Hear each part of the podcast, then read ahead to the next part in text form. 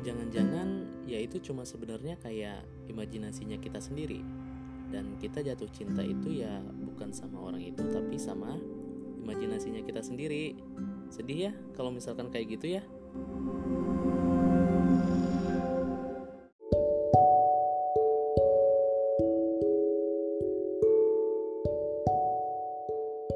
Gimana kalau sebenarnya orang yang selama ini lo suka dalam diam ternyata punya perasaan yang sama dengan lo? Gimana? Terdengar mustahil kan? Tapi ya siapa tahu.